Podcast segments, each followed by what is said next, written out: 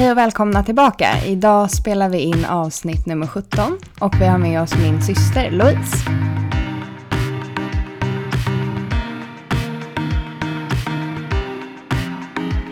God morgon Filippa. God morgon. Hur är läget? Ja, men det är bra. Hur mår du? Jo men det är bra tack. Mm.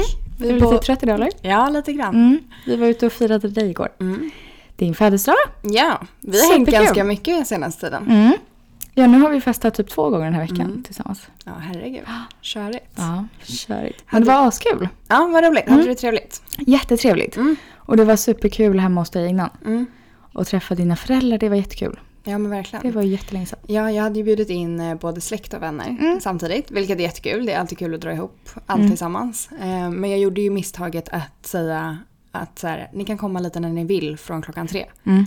För alla kom ju så sent. Ja. Men det är så svårt då när man ska styra upp med mat och dricka Mm. och liksom allting när man ska börja ta ut saker och Mm. liksom så. Ja, det är klart. Eh, Så vid typ så här tio över tre, då tror jag att tre gäster hade kommit. Mm. Och sen liksom mot fyra, då började det successivt rulla Ja, in ja. fler. Mm. Ja, det där är lätt hänt. Men ehm, du hade ju tipspromenad. Ja, Men där kände jag att vissa frågor, eh, som, att jag hade rätt på dem fast det var fel. Ja men för du, ja, men för, ja, du var ju Jag kvar när vi läste mm, upp mm, där. ja. Ja. mm. Var du med på någon av första, andra, tredje placering? Nej, Nej det var inte Nej, jag det var kommer inte. ihåg nu. Nej. men det tycker jag. Ni Ja. räknar nog fel. Jag, nej, Jag jag, tror jag tror kanske inte att det gick jättebra Nej, för dig. Men det var någon, vad var det? Det var någon fråga som jag verkligen tänkte på. Nej, jag kommer inte på. Nej. Eh, men det var kul. Mm, ja men Mm. verkligen. Men det var ju min mamma som vann också. Så att, Ja, Ja. det är klart. ja, Ja. så blev det. Mm. Mm. Nej men jättetrevligt och jag hade jättetur med vädret också. Mm. Så att det var Ja, verkligen en väldigt verkligen. trevlig dag. Mm. Gud. Men man håller ju igång länge, speciellt när man Mm. börjar liksom från tre och så var vi ute och festade ganska sent sen Mm. på natten. Mm. Så vi är Exakt. lite trötta idag. Jag är lite trötta. Ja. Ska vi ta in dagens gäst? ja, det tycker jag vi ska göra. Välkommen Louise. Tack så mycket. Det är ju din syster då Sandra. Ja, Mm. min stora syster. Ja, det ska bli jättespännande Ja. att vara med. Jättekul. Är det tre år mellan er? Fem Nej, år. det är fem år. Aha, men gud jag trodde det var tre. Ja, det är länge. Mm. Men det känns som att vi precis har börjat komma ikapp varandra igen. Mm, Mm. Jag vet. Man Ja. hamnar ju lite ur balans ett tag.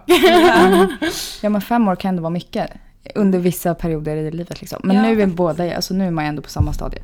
Ja, men typ. Mm. Hur ser du på det Louise?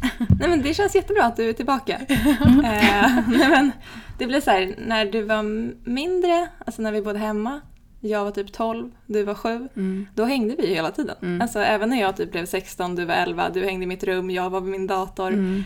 Men sen när jag typ flyttade hemifrån, du var fortfarande i tonåren, då blev det lite Mm. långt emellan kanske. Nej men vi pratade ju om i förra avsnittet Filippa att vi skulle ha ett avsnitt där vi pratar lite om ja, men så här, frågor som man har som utstående. De som inte har diabetes och vad som typ kanske är svårt att förstå sig på och vad man vill veta. Så det är därför vi har tagit in Louise idag som ska hjälpa oss med det. Så du ska väl egentligen typ intervjua oss lite kanske? Ja, men lite. Jag har frågat runt i veckan. Eh, både folk som lyssnar på podden, folk som känner er, folk som inte känner er, folk som inte lyssnar på podden, eh, vad de har för frågor och eh, samlat ihop det lite. Ja men jättekul, för man känner ju verkligen att det är så- verkligen svårt för dig och mig Filippa att förstå vad man inte förstår utifrån. Ja, ja exakt och vad man undrar om. Ja, och Mm. jag tänkte på det också för det dök ju upp igår. Eh, pratade vi lite med min kusin om diabetes. Och jag kan typ känna att jag har typ svårt att fråga på, eller svara på frågor. Kände inte du det Mm. lite också? Jag vände mig till dig flera gånger och bara så här, gud hur ska jag förklara det här? Mm. Så det kommer bli ganska spännande idag. Ja, men jag tror det. Eh, så jag har delat upp det i tre olika kategorier. Mm. Ja. Eh, först lite snabba frågor, eh, sen är det lite personliga frågor och sen lite tips och råd till Ja. andra kanske. Mm. Gud, jag älskar att du har tagit det här så seriöst. Ja, men så jag bra. försöker. Ja. Jättebra. Jättekul. Men ska vi köra igång? Ja. Mm. Vi börjar med lite snabba frågor då. Vad är diabetes typ 1? Ja, En tystnad här borta. Jag skojar. Vill du dra? du tar den. Nej, okej. Ehm, men okej, vad är... Men det är det här som blir så svårt nu, hur man ska svara. Men okej, vad menar du när du frågar vad är diabetes typ 1? vad innebär det att ha sjukdomen diabetes typ 1? Okej, jag skulle säga att det innebär att vi inte har en egen insulinproduktion. Ehm, och att ha sj- sjukdomen innebär ju att man måste tillföra den själv. Ja. Ja, enkelt Ja, bara kort så. så. Ja. Eh, varför måste man då ta insulin? Ja, men det är lite som du Ja, på kanske. Precis. Mm. Nej, men vi har ingen egen insulinproduktion, eh, vilket är eh, jätteviktigt för att kunna leva. Mm. Eh, och det är det som bryter ner, eh, vad säger man att det bryter ner? Bryter ner sockret, maten Mm, och det man äter. Ja. Ja, i Så varje kroppen. gång vi äter något måste vi ta insulin då? Mm. Mm. Och vad är det som händer med kroppen om man inte tar det? Nej men till slut så, eh, man får ju jättehöga blodsocker. Eh, till slut så kan det ju leda till då att det blir, vad säger man att det blir? Att klopp, eh, sy, allt det här med syraförgiftning, Mm. det försuras, kroppen försuras typ. Mm. Ehm, och det är det som då i slutändan blir farligt. Så att alla behöver ju insulin för att kunna leva. Mm. Ehm, ja, Och så det är bara att ni tillsätter det själva? Ja, Det- ja, För precis. oss andra så finns det där. Liksom. ja Mm. exakt. Eh, hur ofta och när måste man ta insulin? Varje gång vi äter något. Eh, och sen ofta för att typ så korrigera. För man har ju ett mål, blodsockret ska ju ligga på runt 6 ungefär. Eh, och det är ju det vi måste korrigera med hjälp av insulinet. Mm. Så det är varje gång vi äter något och sen eh, kollar vi ju blodsockret däremellan också för att se att det ligger runt 6. Eh, och gör inte det, är det högre än 6 då tar vi insulin. Är det Mm. lägre då äter vi något så att det kommer upp till 6. Precis. För det tror jag är en ganska vanlig tanke att man tror att ja, men man tar sprutan när man äter. Men man glömmer Mm. bort att man också kanske måste korrigera. Mm. För det är inte så lätt att... Nej, däremellan ja. Mm. Nej men precis, och det finns ju liksom inga mm, satta regler på att så här, du tar fem enheter om du äter pasta. Det finns ju ingenting sånt för allt beror på vem du är. Mm. Eh, du som person, eh, vad du ska göra efter, ska du träna, ska du ligga hemma hela dagen? Det finns ju så mycket. Ehm, och sen så tar man ju även ett eh, långtidsverkande insulin som är under hela dygnet. Och det är ju för att hålla balans när man inte äter. Så det har ju egentligen inte med mat att göra. Mm. Eh, hur mäter man blodsockret? Det gör man med en litet eh, blodprov eller vad man ska säga, vad ska man Mm. säga? Ja, i fingret. Eh, och du tar ju på armen. Mm. Så då tar man som en liten... Eh, Ja, man gör ett litet stick kan Ja. man väl säga. Och Ja. så tar man ut, ehm, det är kanske många kan känna igen typ när man går på vårdcentralen. Eh, man är förkyld och man ska ta ett litet test i fingret bara. Mm. Det är ungefär så. Eh, och sen har vi en liten mätare till och där visar den då på skärmen vad vi ligger på. mm. Och då kan den visa allt från 1 till eh, 29 tror jag de flesta mäter till. Och Mm. över det så står det bara high sen. Eh, hur vet man att ett blodsocker är ett bra, bra blodsocker? Eller ett dåligt? Hur vet ni det? Vart? Utan att kolla blodsockret. Nej, när ni kollar. Alltså Mhm. om ni till exempel ligger på sex. Mm. Är det bra då? Alltid? Eller vet ni ibland att nej, men nu är just i det här läget inte det bra? Mm. Eh, ja, alltså är det till exempel om man tränar och om jag skulle ut och springa en mil och ligga på fyra blodsocker innan det, då är inte det så bra för då vet jag att jag kommer sjunka blodsockret av träningen. Eh, så då måste jag nog äta något innan så att jag kommer upp. Mm. Ja, alltså det är ju verkligen på, beroende på vilken situation man är i. Mm. Absolut kan man ju säga så här, okej vi ska ligga mellan ja, 5 och 8 eller liksom någonstans där. Eh, men det beror helt på vilken dag det är, vad man ska göra. Eh, men ska man liksom säga ett konkret blodsocker som är bra att ligga på, då är det ju ändå där någonstans. Mm. Men sen måste man ju som sagt alltid tänka på, ja men vad ska jag göra efter? Ska jag äta nu? Mm. Eller liksom så. Ska jag jobba? Mm. Ja. Och vad har jag gjort innan? Mm. Ja, men för ni har pratat lite om de här målen i tidigare avsnitt har jag hört. Mm. Eh, vad är målen? Är det samma för alla? Med diabetes typ 1 eller är det olika? Nej, alltså jag skulle egentligen säga att det är samma för alla men man måste ändå se det lite beroende på, på ja, men, hur, man, hur man lever sitt liv generellt. Mm. Måste man Absolut. göra och vad man har för förutsättningar själv. Mm. Men sen tror jag egentligen grundmålet är ju detsamma för alla. Mm. Mm. Mm. Ja, men kul. Det här var Mm. lite snabba frågor. Ja, gud jag märker verkligen, det är verkligen svårt att svara. För att för oss, Mm. att förstå det, det är så självklara Ja, grejer för oss så exakt. jag har ingen aning om hur jag ska förklara. Nej. Så Louise, du måste verkligen säga till när vi bara är röriga. Ja. Mm. Ja, men det kanske är svårt också, för jag har ju ändå lite koll. Vi går vidare då med lite frågor mer inriktat på eran diabetes. Mm. Eh, så vi börjar med, med Filippa, varför har du pump och inte sprutor? Eh, Jag har pump för jag tycker att det funkar bättre för mig. Jag märker, jag hade ju sprutor nu i vintras när jag var ute och reste och jag märker att jag blir så mycket mer slarvigare. Om jag typ småäter något då blir jag så här, äh, jag tar sprutan sen typ. Um, för mig blir det lite mer projekt. Jag känner mig mer fri med pump, även fast jag har något på mig hela tiden. Så är det lättare att bara, för det är bara ett knappklick och sen är det klart. Istället för att hålla på och dra upp tröja och nål hit och dit och sprutor och så. Så eh, jag känner mig nog mer fri med pump. Mm. Mm. Kan du inte beskriva hur pumpen fungerar? Jo, det är en liten apparat eh, där som har då insulin i sig. Och därifrån går det en slang till en nål som sitter då, som man, på, på mig. Liksom. Antingen har man den på magen eller bak, typ över rumpan vid ryggen. Liksom. Ehm, så varje gång jag ska ta insulin och varje gång jag ätit något eller bara behöver korrigera mitt blodsocker så trycker jag på en knapp på pumpen och så sprutar den in det. Och så är det klart. Så det är jättesmidigt. Ja. Går superfort. Behöver du byta den här nålen Mm, den byter jag var tredje dag. var tredje dag? Och Just fyller det. på med insulin också, typ var tredje dag. Just det. Mm. Ja. Så för dig när du har tagit blodsocker och ser att men jag behöver ta några enheter, då är det, trycker du bara på pumpen? Ja, Det låter ju väldigt smidigt. Mm. Hur kommer det sig att du Sandra inte har pump då? Nu när det låter så smidigt. Ja, det är många som frågar mig det här. Nej, men det är en jättebra grej med pump. Det är det verkligen. Men jag tror att någonstans, någon gång bak lite i tonåren så valde jag att, eh, eller jag kände väl att jag inte kände mig fri med den. Um, och jag tror inte att jag ville känna av min diabetes så konstant hela tiden. För när den verkligen sitter där, då är det ju verkligen konstant hela tiden. Um, nej men så jag tror bara att jag känner mig friare med sprutor. Och sen har jag ju haft det så pass länge så att jag har ju lärt mig eh, att få det att funka för mig. Men så istället då när Filippa då trycker på sina knappar på pumpen eh, så tar jag fram en spruta och tar den. Mm, I magen. Ja, precis. Mm. Kan du tänka dig att testa pump igen eller kommer du köra vidare på sprutor? Jag tror eh, faktiskt att eh, jag tror att jag hade haft det enklare om jag hade pump. Eh, jag tror faktiskt att man, kanske inte alla, men jag tror att det blir lätt att man får kämpa lite extra. Eh, just för att det är enklare att korrigera med pump. Eh, det blir väldigt mycket nålstick när man har sprutor om det är så att man blodsockret ligger ojämnt under dagarna och så. Ehm, så jag tror absolut att jag kanske kommer kunna tänka mig det i framtiden när jag blir lite äldre. Speciellt under tid när man kanske är gravid sen och verkligen måste ha jättebra koll på sitt blodsocker eh, och så. Så jag tror faktiskt att man får nästan lite bättre förutsättningar för ett bra blodsocker med pump. Men jag tänkte på det med Lantus, som jag alltid kallade Lanctus när vi var Mm. små. Eh, hur funkar det? Med pump och spruta, är det olika eller? Ja, nu måste vi också säga Lantus, det är en typ av det. Men det är den du menar är ju dygnsinsulinet. okej, ja, nej men det är nej, nej, nej men ja. Ska jag köra? Mm. Mm. Nej men skillnaden då är ju att jag på kvällen eh, tar, jag använder Tresiba heter den istället för Lantus som vi gjorde förut. Ehm, och där tar jag eh, 18 enheter av den varje kväll. Eh, skillnaden med pumpen är ju att istället för att det sprutas in en stor dos, typ en gång om dagen, så eh, sprutas det in lite under hela tiden. Så fördelen med det är ju att så här, får du lätt högre blodsocker på eftermiddagen, då kan du ha lite mer då och sen lite mindre på morgonen. Ja, så den kan man styra och ha olika enheter under dagens gång. Ja, precis. Och så sprutas det då in, jag har ungefär typ en enhet i timmen.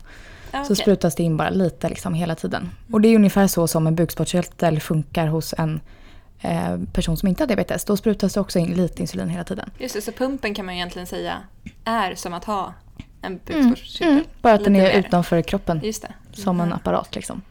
Ja. Så den är lite mer lik en riktig bukspottkörtel. Mm. Mm. Ja, men spännande. Eh, hur vet ni hur mycket insulin ni måste ta? Kan ni berätta lite hur ni resonerar när ni ska ta insulin? Mm. Alltså det är också jättesvårt, det går ju verkligen så på rutin för oss just eftersom vi har haft det så pass länge. Eh, idag pratar man ju också mycket om kolhydratsräkning där man verkligen kan få fram exakta doser. Och då tar man ju ja, men, hur, hur lång man är, vad man väger utifrån de kolhydraterna man äter och så delas det på något sätt. Eh, men eftersom för oss, vi har haft det så himla länge, så för oss är det ju bara tanke i huvudet. Alltså vi har gjort det så många gånger så att man lär sig. Eh, Så man tänker ju utifrån, okej nu ska jag äta det här. Eh, Då får jag upp en dos i huvudet direkt. Liksom. Eh, Men sen tänker man ju också så här, okej vad ska jag göra efter? Vad har jag gjort innan? Och liksom så. Så att, eh, ja, vad skulle du säga Filippa, hur bestämmer man? Nej men jag skulle också säga det. Alltså, kolhydraträkning kolhydratsräkning är ju jättebra för då får man ju ut exakt vad man behöver. Eh, för det man äter då. Eh, men vi, ingen av oss använder ju det. Och jag tycker det funkar lika bra för oss. Alltså men det är ju för att man vet vad man borde ta och vad man har tagit.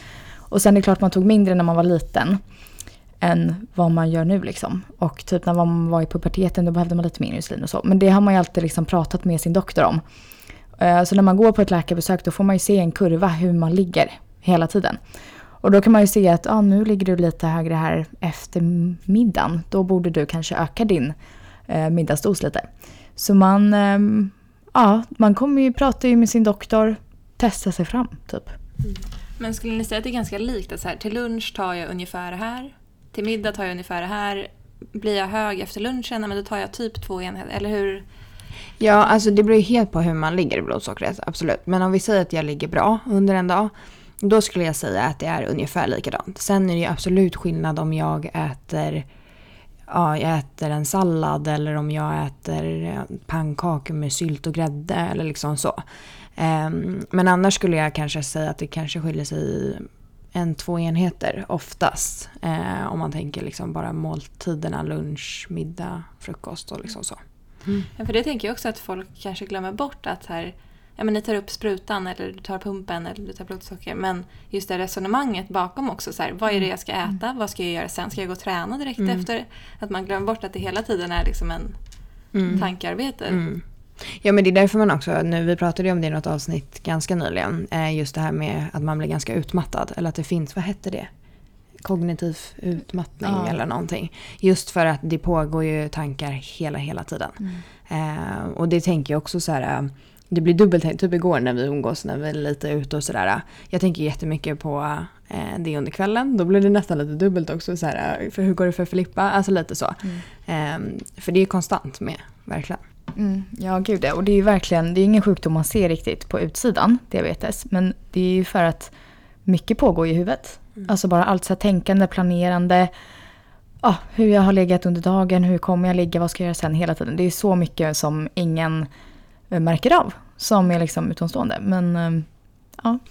Jag tänker faktiskt när vi pratar om det så tänker jag på den här bilden man fick se när man var liten på sjukhuset. Eh, det är en uppmålad illustrerad bild. Och då är det en person, eller det är två personer som sitter och fikar. Det är en person utan diabetes och en person med diabetes. Och då har de ritat tankebubblor ovanför. Um, och så kanske de har en varsin bulle framför sig och något glas, ja men kaffe eller någonting. Och på den personen som inte har diabetes så är det en tankebubbla där det står “Gud vad gott det ska bli med en bulle”. Um, och på personen som har diabetes så är det ungefär 20 tankebubblor. Där det är ja, men just det här okej, nu ska jag äta en bulle. Undrar hur mycket det höjer. Vad ska jag ta till det här? Okej, vad har jag ätit idag? Vad ska jag göra efter? Eh, hur ligger jag till i blodsockret? Liksom så. Mm. Så att ja, det är ju verkligen mycket som pågår mm. i huvudet. Men jag tänker också att när vi, när vi var mindre, eller när jag bodde hemma, eh, och kanske det var precis när du hade fått diabetes, att vi alltid satt och resonerade lite typ vid middagsbordet. Så här, hur mycket ska du ta? Mamma och pappa mm. framförallt, men mamma är med. Jag tänker du som har en syster som också har diabetes, mm. hur var det i er familj? Det var absolut likadant. Vi satt ju alltid och så här, vad ska vi ta nu? Och diskuterade och så. Um, och då när vi var små då fanns ju inte ens kolhydratsräkning. Annars hade man ju gjort det. Och alltså, det hade ju varit betydligt mycket lättare för en förälder att um, kunna räkna ut då. Men det fanns ju inte då, den tekniken liksom. Så det var ju bara, ja men man satt och diskuterade, testade, tog lite och så fick man ju verkligen kolla upp efteråt liksom mm. hur, hur det gick. Annars fick man ta mer eller mindre eller så. Mm. Så det var ju verkligen bara att prata, prata sig fram till något. Ja, och det måste jag ändå säga det här med kolhydraträkning. För att, ja nej vi använder ju inte det. Men det är ju för att vi ändå typ får fram samma doser som om vi hade räknat i vårt tankesätt. Men för de som är nyblivna diabetiker, det är ju det bästa som typ har hänt. Alltså måste det ju vara. För att i början när man får diabetes, det är ju, man är en laskas. Alltså det är jättesvårt. Mm. Ja, otroligt vad det hjälper. För alltså det, hade man fått det hjälpmedlet från början, då hade det ju gått jättelätt. Mm. Alltså nu har man ju verkligen fått testas fram. Mm. Um, det har ju gått bra men det måste ju underlätta så mycket. Eh, men kan ni beskriva en dag med er diabetes? Alltså lite så här blodsocker, insulin, måltider, träning. När ni vaknar tar ni blodsocker. Så hur ser det ut? Mm. Vill du börja Filippa eller ska jag? Mm, jag kan börja. Um, jag, när jag vaknar upp så kollar jag blodsockret på en gång. Uh, och sen äter jag oftast, man äter ungefär samma sak till frukost. Uh, och till frukost kan det ofta vara ganska mycket snabba kolhydrater. Vilket man vet, det kan vara bröd och eh, Eh, flingor och kanske juice som går snabbt ut i blodet. Så jag tar eh, insulin nästan på en gång när jag vaknar. Eh, för att det ska hinna ut i blodet lite innan jag börjar äta. Eh, sen äter jag min frukost och då brukar det gå jämnt ut. Annars om jag äter frukost på en gång liksom och tar eh, insulin samtidigt, då hinner mitt blodsocker gå upp innan det går ner. Så då blir det som en kurva. Ehm, och sen så ja, men gör jag mig i ordning till jobbet. Jag går till jobbet. Ehm, Ofta träna, om jag tränar efter jobbet så ser jag till att jag har ätit något innan. För det är lätt att bli låg i blodsocker när man tränar, i alla fall för mig. Um, ja, vad gör man sen? Man, ja, men jag kollar i blodsockret kanske runt um, ja, men sex, sju gånger på jobbet för att se att det ligger bra. Om jag inte har då en sån här kontinuerlig mätare på mig. För då ser man ju hela tiden hur blodsockret går. Um, ser man det i pumpen eller måste du jag har en app i min mobil som jag ser det på. Eh, men annars så har man ofta en, en till liten mätare som man ser det på. Eh, till exempel Freestyle Libre är ju många som har, som Sandra också har. Och då skannar man av den bara med den här mätaren och så får man upp vad man har för blodsocker. Så du får automatiskt in dina värden i mm. mobil? Ja, jättesmidigt. Mm. Verkligen. Vill du flika in med något Sandra? Ja, nej men eh, alltså Filippa beskriver ju typ det som är för mig också egentligen. Skillnaden då är ju att vi, du har pump och jag sprutar. Um, men sen måste jag också säga att det gör ju verkligen stor skillnad också från dag till dag. Du kan ju ha en dag när du ligger bra i blodsocker. Då är det inte jättemycket du behöver göra utöver att, ja det är självklart att du testar ditt blodsocker flera gånger om dagen. Du tar ditt insulin till det du äter. Um, men liksom inte så mycket utöver det. Men eh, har du en dålig dag, då kan det ju vara allt från att ta hur mycket blodsocker som helst och uh, ta massa oljesprutor och sen vart du låg och då ska du äta och så vart du, fick du högt blodsocker igen och liksom så. Eh, så ja. Mm. Mm. Men jag tänker också den här spontaniteten som man själv kan ha utan diabetes.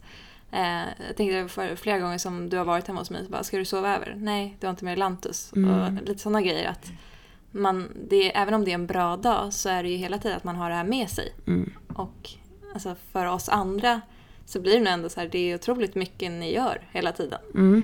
Ja men det är otroligt mycket planering. Eh, det är det verkligen och det sitter ju verkligen rutiner. För det är ju som Filippa säger, hon går ju upp, man testar sitt blodsocker, man tar insulin, man äter. Sen kommer jag till jobbet, kollar igen så att jag ser så att jag ligger, kvar, eller ligger bra till innan jag börjar jobba. Eh, och sen är det lunch, då är det samma rutin igen. Efter lunch, se till så att man ligger bra. Eh, och sen fortsätter ju det. Eh, och sen också den här rutinen att, ja, men för mig att så här, varje kväll tar jag en spruta. Det sitter ju som att jag borstar tänderna. Det är ju liksom, alltså det är ju verkligen vardag. Mm. Mm. Mm, eh, jag tänkte på det här med hormonförändringar. Har ni märkt att diabetesen påverkas av det eller att hormonförändringar eller hormoner överhuvudtaget påverkas av er diabetes? Ja, det här är ju en liten svår fråga för man kan säkert grotta in sig i det jättemycket som, alltså som läkare och forskare och liksom så.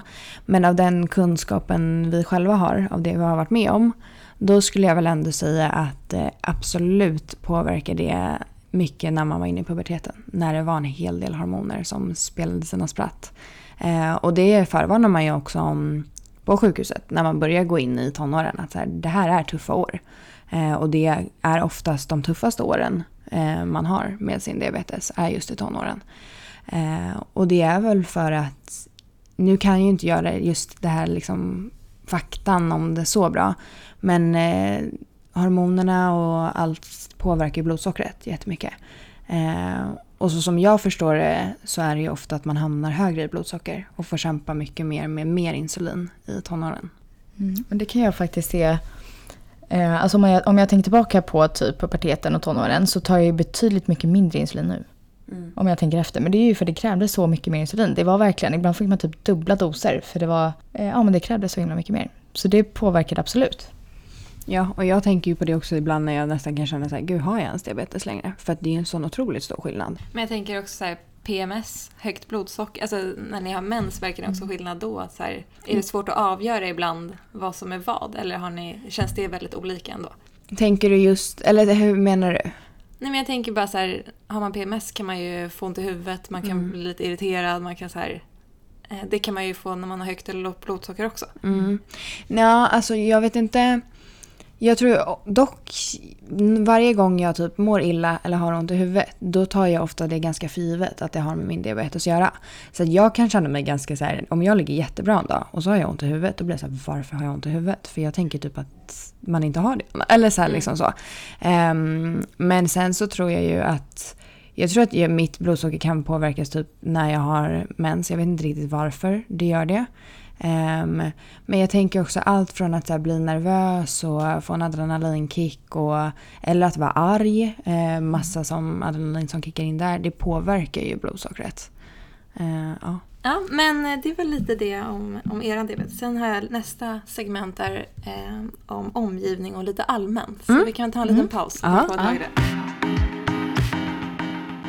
Hur reagerar folk när ni tar spruta och blodsocker? Både folk ni känner och folk ni inte känner. Eh, folk som känner mig är nog mest här nyfikna hur jag lägger till och så här, bryr sig så. Men folk som inte känner mig frågar. Alltså man får mycket frågor. Typ jag har ju börjat ett nytt jobb nu och så skulle jag kolla blodsockret och jag var, gjorde det typ i väskan. Inte för att medvetet vara diskret men bara för att, ja. Och då var det någon som såg det och bara oj vad är det där? Och så blir det all, så här, värsta diskussionen. Typ alla börjar fråga hit och dit. Så det är många som inte förstår riktigt vad det är och som undrar. Ja, eh, jag pratar ju kanske inte så här jättemycket om mina typ, värden och sånt med mina kompisar. Så att jag tror kanske många gånger att alltså, mina kompisar tittar lite. Eller liksom så här, kikar lite extra typ när jag väl gör det. Eh, men, eh, men sen så med folk man inte känner, då brukar det ju oftast komma frågor direkt. Eller att man känner av att någon sitter och stirrar. Och då brukar jag titta upp. Och då kommer frågan. Lite så. Eh, men och jag kan väl förstå det. Alltså, det är kanske inte varje dag man ser någon ta en spruta. Sådär. Också eftersom att man gör det på ett så enkelt sätt. Eftersom att det är så normalt för oss att man bara helt plötsligt tar jag upp en spruta, sätter på en nål och sen så tar jag den i magen. Utan att ens tänka en tanke.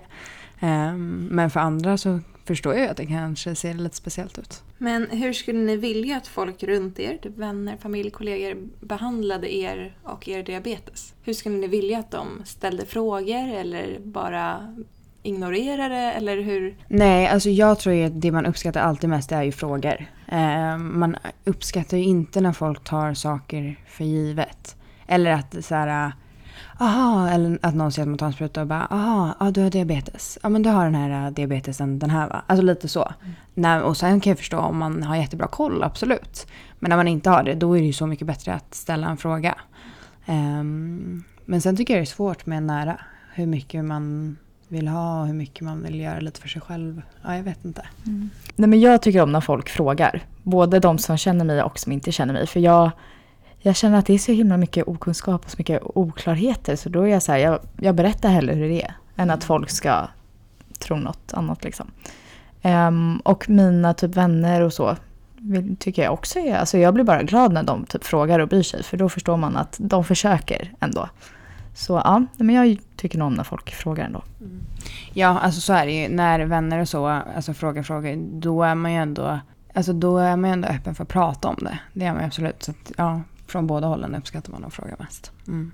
Ja men kanske hellre också att de frågar och sen att man kan säga så här, jag vet jag vill inte prata om det här just nu för att jag är inte in the mood för det. Mm. Men att det visar ju ändå att man, Ja, här, att man jag ser sig. dig Mm. och jag vet att du har den här sjukdomen Mm. och att den kan vara jobbig ibland. Så här, Mm. Hur är läget just nu? Mm. Typ. Ja, verkligen. Mm. Ja, men absolut. Ehm, vad skulle vara ert råd till någon som precis har fått diabetes? Oj, vad svårt. Jag skulle typ säga att ehm, försöka typ acceptera sjukdomen så fort som möjligt. För du, man kommer leva med den. Det är bara liksom försöka ta in det. Och att eh, inte planera hela livet efter sjukdomen. Utan tvärtom. Man måste hitta en bra balans. Som, alltså man, vi kan göra vad vi vill. Vi måste bara kanske tänka lite mer på vissa grejer. Planera, nå- alltså planera lite i förväg och så. Men inte begränsa dig på grund av det. Ja, och sen tror jag också just allt det här med att acceptera sjukdomen. Alltså, jag tror att, jag vet inte ens om jag har gjort det alla dagar. Men kanske snarare att acceptera att man har fått den. Mm. Förstår du vad jag menar? Att det här kommer jag leva med. Eh, och sen får det vara riktigt sugigt många dagar. Men att man ändå accepterar att nu har jag fått den här och det finns liksom ingenting jag kan göra åt saken. Tror ni att det är stor skillnad vilken ålder man är när man får diabetes? Ja, alltså det tror jag nog. Eh, jag tror ju att... Alltså svårt att säga också, men jag tror väl att ju äldre man är så tror jag kanske att det blir enklare, men också när man är liten. För att man kanske inte riktigt hänger med på vad som händer då. Men då däremot så blir det ju ofta att, precis som det blev för mig, att först så var det väl, ja det var väl ingen jättestor grej. Men sen så smäller det sen då istället senare när man går in i tonåren. Eh, så i tonåren tror jag väl att det kanske är tuffast. Ja, det tror jag också. Alltså får en tonåren och då när man vill verkligen så här, testa nya grejer och så, så ja. Nej, jag tror att det är absolut tuffast. Och jag fick ju det som barn och det, det är jag nog på något sätt ändå typ lite glad för. För alltså, du har inget att jämföra med. Jag vet inte hur det är inte har ha det liksom. Men att kunna typ jämföra, och det blir nog ganska tydligt i tonåren. För då känner man ju sån otrolig skillnad tror jag. Ja, man undrar lite hur det hade varit. Men också så här, det är klart att det är jättetufft att få det när man är äldre också. Men det hade, hur det hade varit att få det typ kanske ja, men när man är 23 eller någonting. När man ändå har levt ganska mycket igenom tonåren. Som du säger, det är då man gör mest. Det är då man testar på nya saker, man testar gränser och liksom så. Ehm, då kanske det ändå är lättare att acceptera. Men jättesvårt att säga. Eh, vilken information hade ni velat få när ni fick diabetes som ni känner att ni inte fick? Alltså till exempel från sjukhus eller senare när man känt så här, varför är det ingen som har sagt det här till mig? Ehm, det är en jättebra fråga. Jag tycker ändå, jag ser ju på den veckan när jag låg inlagd på sjukhus, liksom så, jag minns ju bara det som något så bra. Eh, och det, så hur jag blev bemött och den hjälpen vi fick och liksom så. Eh, det jag kan tycka är jobbigt nu, i, alltså nu senare, det är allt eh, man får reda på som kan hända på grund av diabetesen. Alltså allt som så här äh, har kopplingar till det. Andra sjukdomar eller liksom så. Samtidigt kan jag också känna att hade jag fått all den informationen hela tiden från mina läkare, då känns det som att det också hade blivit ganska deppigt. Så det är jättesvårt att svara på faktiskt. Ja, jag håller med. Alltså egentligen tycker jag väl typ man har fått det mesta informationen man behöver av läkare och så. Sen är det ju svårt att, för dem att berätta hur det kommer bli i alla situationer. För det är ju bara en själv som kan märka det liksom. Ja, nej, jättesvårt. Men jag tror ju också att nu har du och jag haft ganska bra upplevelser med just läkare och eh, sjuksköterskor när vi har varit unga. Um, och jag tror varför också jag har haft det så bra är verkligen för att jag hade en sjuksköterska som förstod mig. Hon förstod att jag är i tonåren. Eh, och hon förstod att eh, Ja men alla de här grejerna, vi började prata ganska tidigt om att så här, ja, det kanske är på gång att man börjar dricka alkohol. Eh, då pratade vi lite om hur det går till ifall det skulle förekomma. Liksom så. Så här, jag förstår det läget du är i livet och vi tar det liksom utifrån det. På något sätt. Och att någonstans fick jag alltid ett stöd. Även om det inte alltid gick som det var tänkt eller jag inte alltid hade bra värden eller liksom så. Så vi, hon stöttade liksom och vi, ja, men vi tog det därifrån. Jag tänker att ni har pratat om det här med skolan, till exempel med prov och så. Alltså, hade ni önskat att någon hade sagt det till er, kanske från sjukhusets sida, att så här, det här kan hända vid blodsocker? Eller känner att ni, har, att ni har fått den informationen, bara att man kanske inte kunde ta in den? Ja, men jag känner nog att jag har fått den infon. Då hade jag nog hellre velat att typ lärare hade fått den infon. Mm. Alltså att man hade fått mer förståelse därifrån. Eh, för jag känner nog att jag har fått liksom info så av typ sjukhuset. Ja, nej men det skulle jag ändå säga också. Jag tror snarare att det är just det här med alltså allmänheten runt omkring. För det kan jag ändå, um, när man sen kom tillbaka till sjukhuset och liksom förklarade för dem att så här, "Aj, det här provet, nu kanske inte sa exakt så, men ja, det här provet gick inget bra för jag låg högt blodsocker. Då var ju de så här, ja men det är inte så konstigt, det är ju på grund av det här. Liksom så. Ehm, så att ja, nej jag tycker ändå att man har fått bra info. Sen tror jag snarare det har varit att man kanske inte alltid har fattat själv förrän man upplever det. Ja, men det är ändå alltså, så här, kul att höra att sjukvården ändå runt det verkar funka så bra. Mm. Alltså för er i alla fall. Ja, vi har haft otroligt bra. Mm. Och bara alla så här eh, läger och sånt vi har gjort med vårt sjukhus och bara där har man ju ändå fått vara med sina sjuksköterskor och doktorer och upp, alltså uppleva de här situationerna som de inte kan lära en hur det kommer gå till. Men man har ändå gjort det med deras stöd på något vis. Så det har ju varit otroligt bra. Ja, alltså det är man ju verkligen så otroligt tacksam för. Att vi ändå haft det så bra. För det är jag inte säker på att det kanske är överallt. Eller att man kommer överens med sin läkare. Eller liksom så. Så det har verkligen varit en fördel. Ja, där undrar man också hur det är i andra länder. Nu är det väl ganska hög... Det är ganska många i Sverige som har diabetes, Mm. eller? Ja, det är mest i det, Sverige och Finland, eller hur? Mm, I världen. Ehm, ja, nej, alltså jag tror att det är jätteolika. Och sen tror jag också det kan vara olika var man bor i Sverige. Då har vi här en fråga från en förälder. Eh, har ni några tips till en förälder som inte får full insyn i sitt barns diabetes? Oj, vilken bra fråga. Alltså, jag tror det är jättesvårt att svara på för att egentligen vet jag inte vad som hade kunnat göra att jag hade det bättre under min period eh, då. För någonstans så, jag behövde nog ganska mycket hjälp. Samtidigt tror jag också så här lite vad mamma och pappa än hade gjort. Jag ville ju inte alls släppa in dem. Jag ville inte alls att de skulle ha en insyn i det. Um, men jag tror, jag tror mycket på det också som min sjuksköterska också mycket gjorde. Att man visar stöd.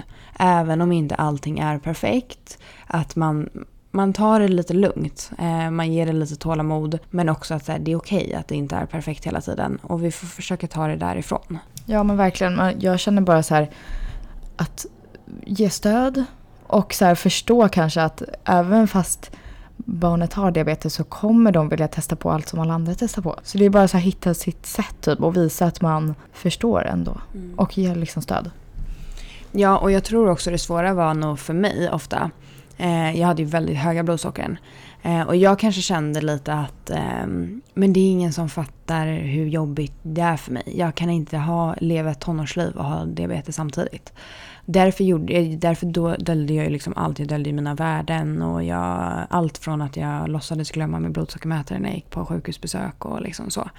Um, men där tror jag verkligen att gå in och så här, jag förstår att det här är så tufft. Jag förstår att det är jättesvårt att ha koll på allting och liksom så.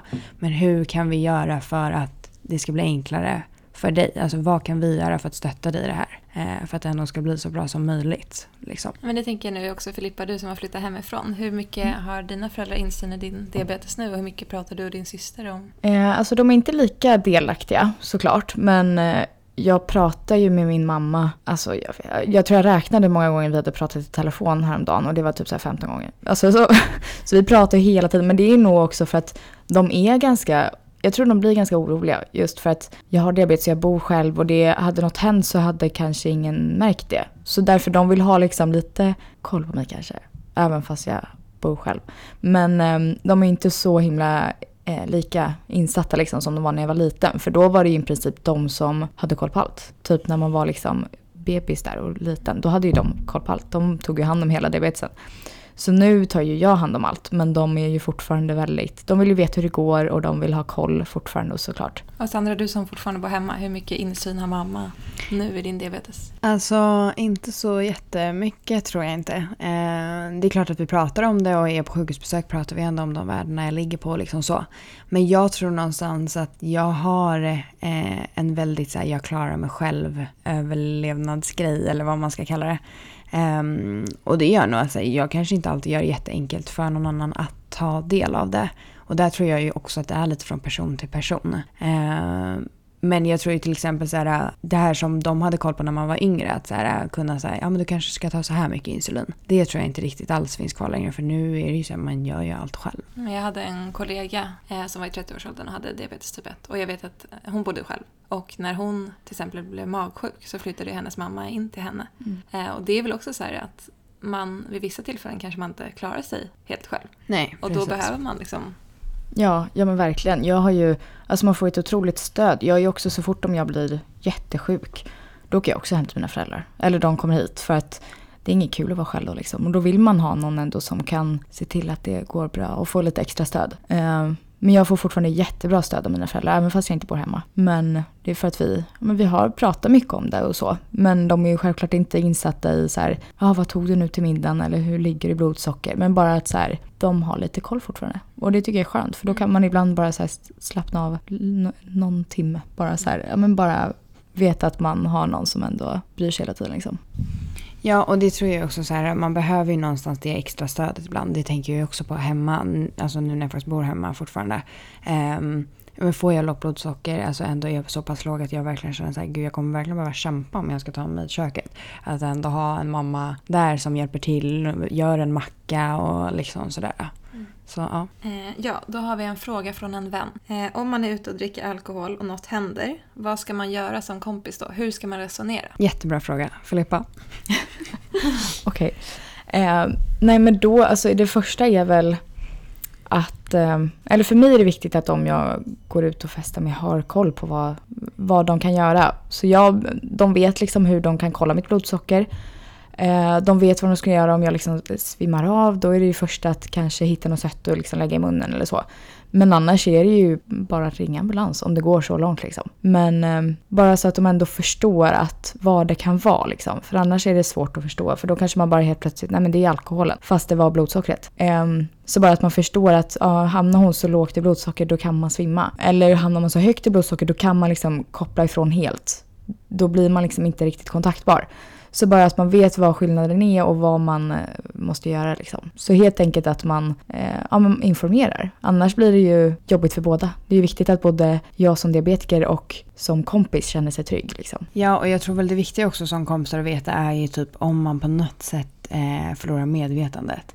Det kan vara allt från att somna eller liksom så när man kommer hem. Eh, för att är det någon som är så pass full att man kommer hem och man eh, ja, men somnar eller däckar eller vad man nu vill kalla det. Ehm, att kanske någon kollar ett blodsocker på en. För att säga gud, nu har hon bara somnat. Hon har inte ens checkat sitt blodsocker. Um, att man ändå då vet hur man tar blodsocker och kollar. Och är det så då att säga, men herregud, hon har ju jättelågt. Hon har ju antagligen svimmat. Ja, då vet man ju, då måste man ju ringa en ambulans. Men tar man då ett blodsocker och vi säger att jag ligger på 10 eller 9. Ja, okej, då har hon somnat. Då är det liksom det. Um, men så det blir ju också väldigt mycket beroende på situationen. Men sen är det ju så också, är det någon som faller ihop och liksom så, alltså ring en ambulans. Alltså, mm säkra för osäkra. Ja, ja, verkligen. Och sen är det väl viktigt också att man tänker hela tiden att det kan vara diabetesen. Och inte tänker att det är liksom alkoholen kanske. För det behöver det verkligen inte vara. Oftast är det ju diabetesen om man skulle ramla ihop liksom. Så hela tiden tänka att det kan vara något med den liksom. Ja och det tänker jag också för att man tänker ofta sen när man är ute och dricker ofta på det som kan hända om man får för lågt blodsocker. Um, men det man också får lära sig på sjukhuset är att när man har högt blodsocker. Jag har fått höra att det kan nästan vara, alltså hjärnkapaciteten, det är ju någonting som lite händer. Att man kan kanske bete sig lite konstigt eller liksom så. Eh, och då kan det också vara att man kanske tror att så här, Gud, hon är jättefull. Men det har egentligen inte riktigt med det att göra. Så det var ändå ganska bra sagt Filippa, att man ändå alltid ska tänka på att det kan vara diabetesen. Men har ni informerat alla era kompisar eller hur ligger det till med det? Nej, alltså jag kan inte säga att jag har gjort det. Um, men det är som vi har pratat om förut, ofta så går man ut kanske med ganska mycket samma personer om man verkligen går ut och festar. Um, och eh, där har jag ändå min närmsta tjejkompis och min kille som ändå vet. Um, men det är ju inte som att sen när man går ut att det första man gör är har en lektion, tänker jag, med de man är med. Nej, såklart. Så blir det inte. Men um, ofta hamnar man ju kanske i någon situation när man blir låg i blodsocker eller hög i blodsocker. Och då har man ju några runt sig och då så här, blir de delaktiga och lär sig något. Och så blir det bara att de lär sig mer och mer. Liksom. Uh, så jag skulle säga att alla jag mina närmsta och de som jag oftast har med mig, eh, eller i alla fall någon av dem har man ju ofta med sig när man går ut. Mm. Och de vet vad de skulle göra om det händer något. Okej, en sista fråga då. När kan ni koppla bort diabetesen? Eller kan ni någonsin göra det? Nej, jag tror inte det. Den, eh, nej, men den är med hela tiden. Och det är det som det ligger i, i bakhuvudet hela tiden. Eh, det är liksom något som går parallellt med livet hela tiden. Och något som ja, men man tänker på. När jag kanske kan koppla bort det lite, det är väl när jag är med typ min syster eller med dig Sandra. För då har man ändå någon som kan förstår precis hur det är. Men det är ju fortfarande, de vet ju inte exakt hur min diabetes är eller vad, hur jag känner mig just nu och så. Men eh, det är ju då jag känner att jag har eh, förståelse som är liksom ja, men rätt förståelse eller vad man ska säga. Mm. Ja men också då kanske att man känner sig också trygg i det att så här, eh, skulle någonting hända eller så här hamnar jag för då vet ju du exakt vad du ska göra. Alltså vad det än är. Och det kanske gör att man mer slappnar av. Jag tror inte man kopplar bort det men att man kanske känner att man är lite mer avslappnad. Eller också att så här, får jag högt blodsocker och jag känner mig på avståndet humör eller jag blir låg. Då behöver inte jag förklara för dig. Utan eh, är det så här, säger jag till dig om jag har lågt blodsocker, då är det det första du fokuserar på. För du vet ju exakt hur det känns, eller du vet ju exakt vad som ska göras.